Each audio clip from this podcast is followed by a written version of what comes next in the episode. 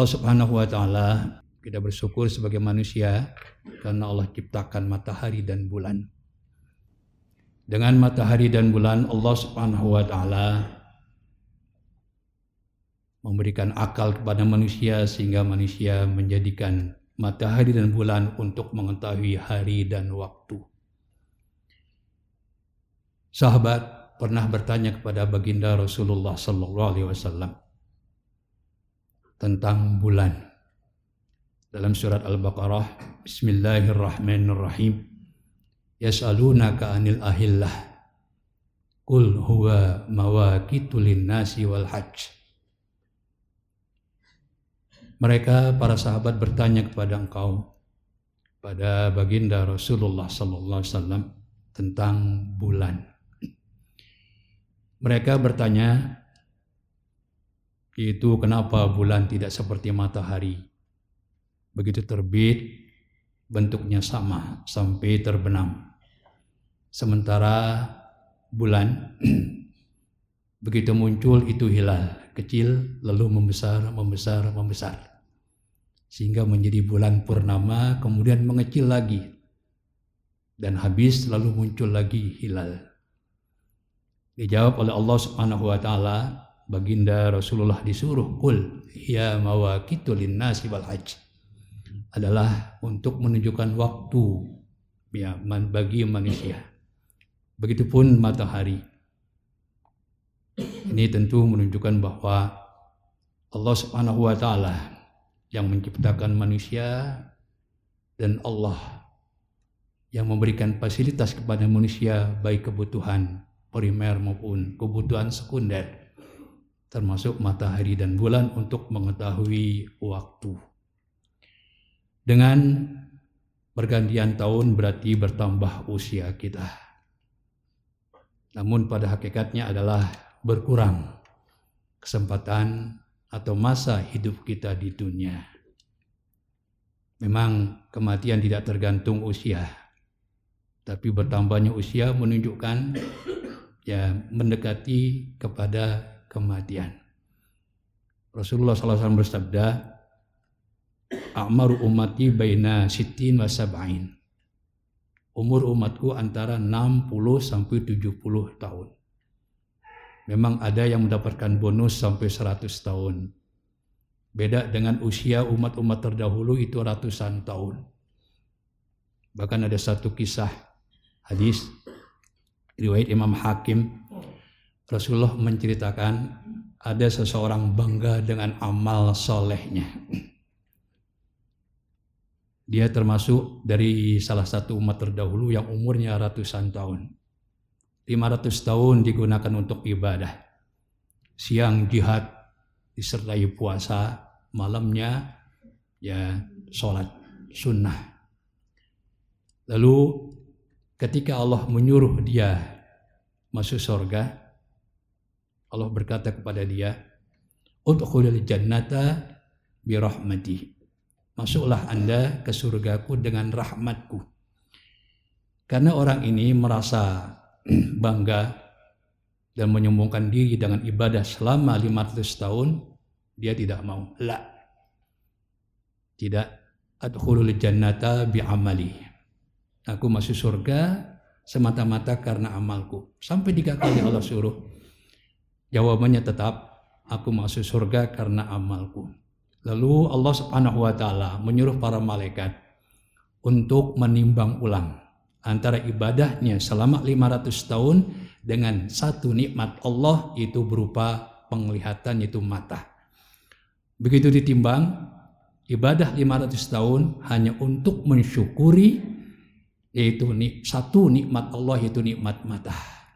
Sementara nikmat Allah begitu banyak. Wa in ta'udu Allah la tusuha. Ini menunjukkan bahwa kita nggak boleh sombong dengan amal soleh kita. Tetap kita mengharap diterima oleh Allah Subhanahu wa taala dan Allah masukkan ke surganya Allah Subhanahu wa taala. Memang ya amal itu merupakan syarat mendapatkan rahmat Allah Subhanahu wa taala. Makanya Rasulullah SAW dalam hadis Imam Bukhari Muslim menjelaskan la yadkhulu ahadukum al jannata bi amalih.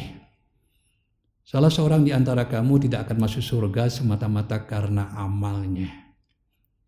Karena amal soleh kita terbatas. Sementara surga nikmatnya tidak terbatas. Belum lagi dosa-dosa kita. Kalau tidak diampuni oleh Allah, Allah oleh Allah Subhanahu wa taala, kayaknya sulit untuk kita masuk surga. Maka kata Rasul, la yadkhulul ahadukum al jannata bi amali. Sahabat bertanya kepada baginda Rasulullah, "Wala anta ya Rasulullah?" Engkau juga tidak masuk surga karena amalmu. Kata Rasulullah, "Na'am." Padahal Rasulullah amalnya luar biasa. Atskol atskia, orang yang paling bertakwa kepada Allah. Bahkan Rasulullah SAW begitu lamanya berdiri ketika sholat malam sampai kedua kaki beliau yang mulia tawar roma bengkak. Lalu Siti Aisyah rupanya tidak tega melihat suaminya. Beliau mengatakan kepada baginda Rasul, qad ghafarallahu laka ma taqaddama min dzambika wa ma ta'akhkhar. Engkau ya Rasulullah enggak punya dosa. Apa jawaban Rasulullah? Afala akunu minas mina afala akunu minas syakirin. Yaitu apal akunu ya min ibadillahi syakur itu yang diharapkan oleh baginda Rasul yaitu untuk supaya menjadi orang yang pandai mensyukuri nikmat-nikmat Allah. Macam kita ini belum syakur. Syakur itu mubalaghah, tingkatan tertinggi daripada bersyukur. Macam kita ini baru syakir.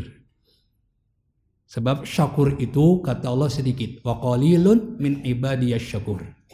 Sedikit hambaku yang syakur.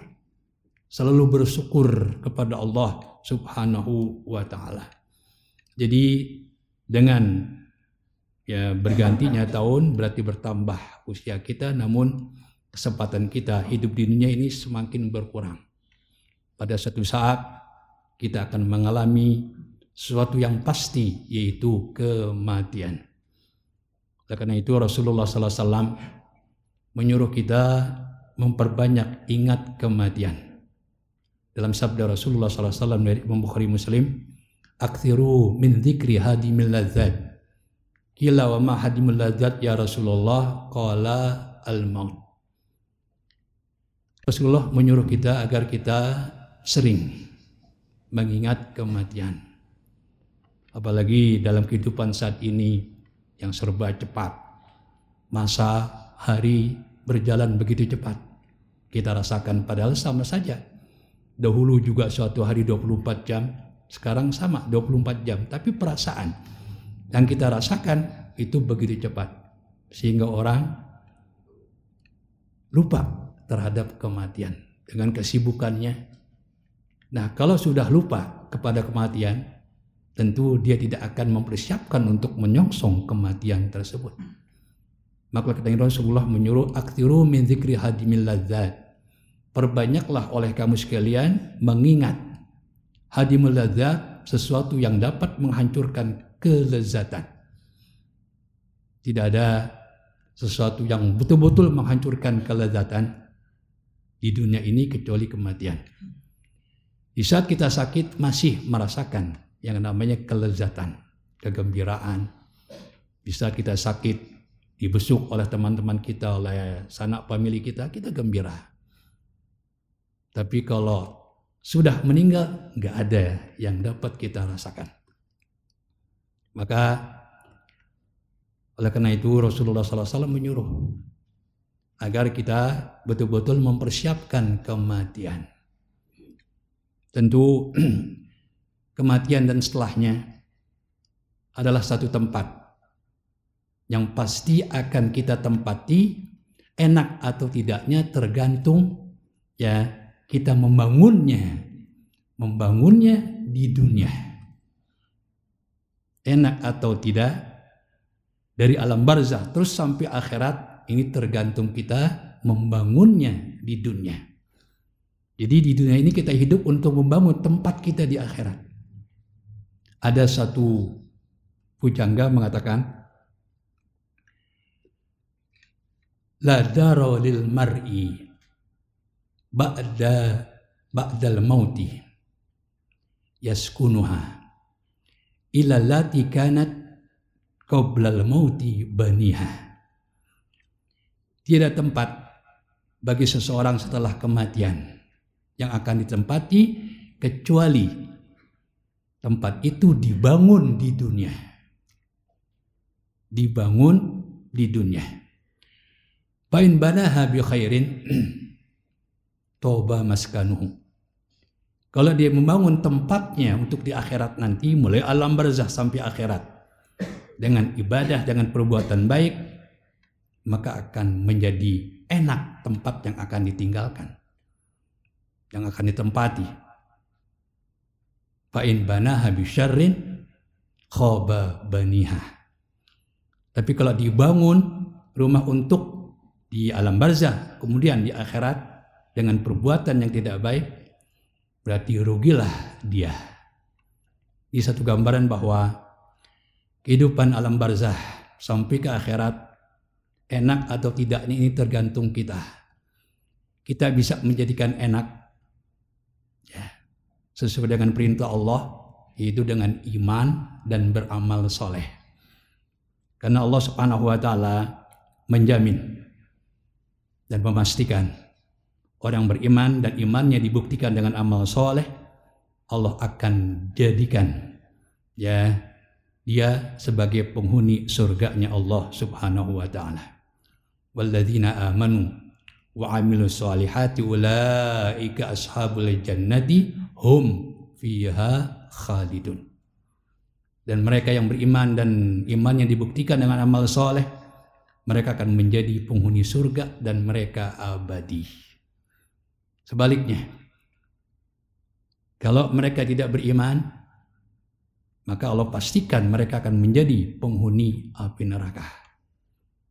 Jadi sekali lagi, tempat yang akan kita tempati dari mulai alam bazah sampai akhirat ini tergantung kita. Kita mau bikin enak bisa, dengan iman dan beramal soleh. Kita bikin tidak menjadi enak sengsara, ya silakan tidak beriman dan tidak melakukan amal soleh. Karena mereka yang tidak beriman, ya Allah ancam mereka dengan apa? Dengan nerakanya Allah Subhanahu wa taala.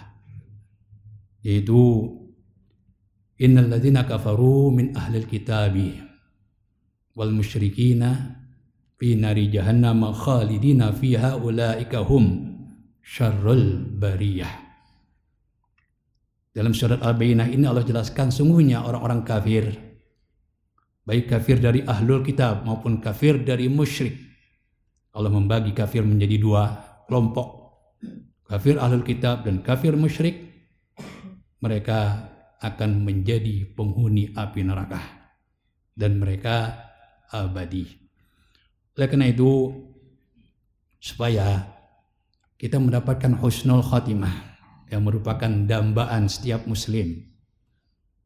Dambaan setiap muslim tentu menginginkan husnul khatimah, happy ending di saat kematian. Tentu yang diajarkan oleh para ambia itu dengan banyak kita memohon kepada Allah agar Allah wafatkan kita dalam keadaan beragama Islam. Dalam firman Allah Subhanahu wa taala Allah mencontohkan doa para anbiya, Rabbana tawaffana muslimin walhiqna bisalihin. Ya Tuhan kami wafatkanlah kami dalam keadaan beragama Islam dan pertemukanlah kami dengan orang-orang muslim. Orang-orang saleh salafus soleh, ulama-ulama terdahulu memberikan nasihat untuk kita memperoleh husnul khatimah wafat dalam keadaan beragama Islam yaitu kita menginginkan untuk dicabut nyawa kita tentu dalam keadaan kita berbuat baik Makanya salafus soleh mengatakan unzur kulla syai'in. Tuhibbu ayatikal maut wa anta fihi falzamhu. Ini sambil dari kitab An-Nasai Adiniyah wal Wasaya Al-Imaniyah karya terbesar dari ulama besar yaitu Al-Habib Abdullah Ba'lawi Al-Haddad. Lihatlah segala sesuatu baik itu perbuatan maupun ucapan di mana kita sedang mengucapkan ucapan itu atau sedang melakukan perbuatan itu, kita senang kalau kita meninggal. Palzamhu maka lazimkanlah terus lakukan perbuatan itu atau ucapan itu. Tentu kita mengharapkan di saat kita baca Quran kita meninggal. Di saat kita sholat, di saat kita berbuat baik, maka teruskan. Itu pertanda perbuatan baik. Tapi sebaliknya, unzur kula syai'in. Takrahu ayatikal maut wa anta fihi ya. Lihat segala ucapan perbuatan di mana Anda tidak senang kalau Anda meninggal sedang mengucapkan ucapan itu atau melakukan perbuatan itu fajtanibhu, maka jauhkanlah. Itu pasti perbuatan yang tidak baik. Sejahat-jahatnya manusia tidak menginginkan dia meninggal ketika melakukan kejahatan. Ya, seburuk-buruknya orang dia nggak mau meninggal ketika dia melakukan perbuatan maksiat. Maka tinggalkan. Karena kita nggak menginginkan di saat kita berbuat maksiat kita meninggal. Naudzubillah min zalik. Juga keimanan yang alhamdulillah kita bersyukur kepada kedua orang tua kita karena fitrah kita dijaga dan dikawal oleh kedua orang tua kita makanya kita bersyukur kepada Allah dan kepada kedua orang tua kita sebab Allah ketika manusia di alam ruh dalam surat Al-A'raf Allah mengambil perjanjian dari mereka untuk mengakui bahwa Allah adalah Rob mereka. Itu dalam surat Al-A'raf Allah berfirman wa id akhadha rabbuka min bani adama min zuhurihim wa ashhadahum ala anfusihim alastu bi rabbikum? Qalu bala syahidna. Ini satu perjanjian di alam roh ya yaitu alastu bi rabbikum bukankah aku ini kata Allah Tuhan kalian semua manusia di alam roh menjawab bala iya engkau adalah Tuhan kami dan kami bersaksi ini fitrah makanya fitrah itu terus berlanjut lahir fitrah Ya, lalu sampai kapan fitrah itu sebelum balik? Makanya anak sebelum balik meninggal itu tempatnya surga. Kenapa? Masih dalam keadaan fitrah. Baru setelah balik ini ada ketentuan. Ya, apakah dia mukmin atau tidak? Itu setelah balik. Sebelum balik itu fitrah. Nah, kita bersyukur. Fitrah ini dijaga oleh kedua orang tua kita dikawal sampai kita balik dan mudah-mudahan sampai kita meninggal. Amin. Ya Rabbal Alamin. Karena manusia itu dinilai ya ketika meninggalnya. Ketika meninggalnya. Apakah dia mukmin atau ya tidak mukmin. Makanya manusia menghadapi kematian itu ada empat macam golongan. Pertama, ya mudah-mudahan kita termasuk, yaitu dia beriman, fitrahnya dijaga oleh kedua orang tuanya ya kemudian apa sampai balik kemudian dia meninggal tetap dalam keadaan beriman maka tempatnya adalah surga yang kedua bisa jadi dia tidak beriman tapi sebelum meninggal dia beriman sampai meninggal juga tempatnya surga yang kedua naudzubillah min zalik ya sebelumnya dia beriman entah terpengaruh dengan apa sehingga dia keluar dari keimanan sampai meninggal tidak beriman. Ini neraka. Atau dari awal memang dia tidak beriman. Ya, kemudian sampai meninggal juga tidak beriman, ini juga neraka.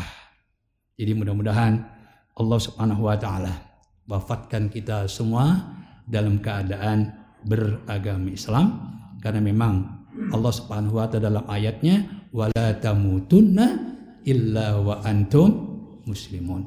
Dan janganlah sekali-kali kalian meninggal kecuali dalam keadaan beragama Islam. Mari kita berusaha untuk supaya kita mendapatkan husnul khatimah. Bapak dalam keadaan beragama Islam. Tadi saya katakan pertama adalah dengan doa. Yang kedua, kita tumbuh kembangkan keislaman kita dengan melaksanakan perintah-perintah Allah dan menjauhi larangan-larangan Allah Subhanahu wa taala. Sekali lagi semoga Allah berikan kita husnul khatimah, Allah wafatkan kita dalam keadaan beragama Islam. A'udzu billahi minasyaitonir rajim. Bismillahirrahmanirrahim.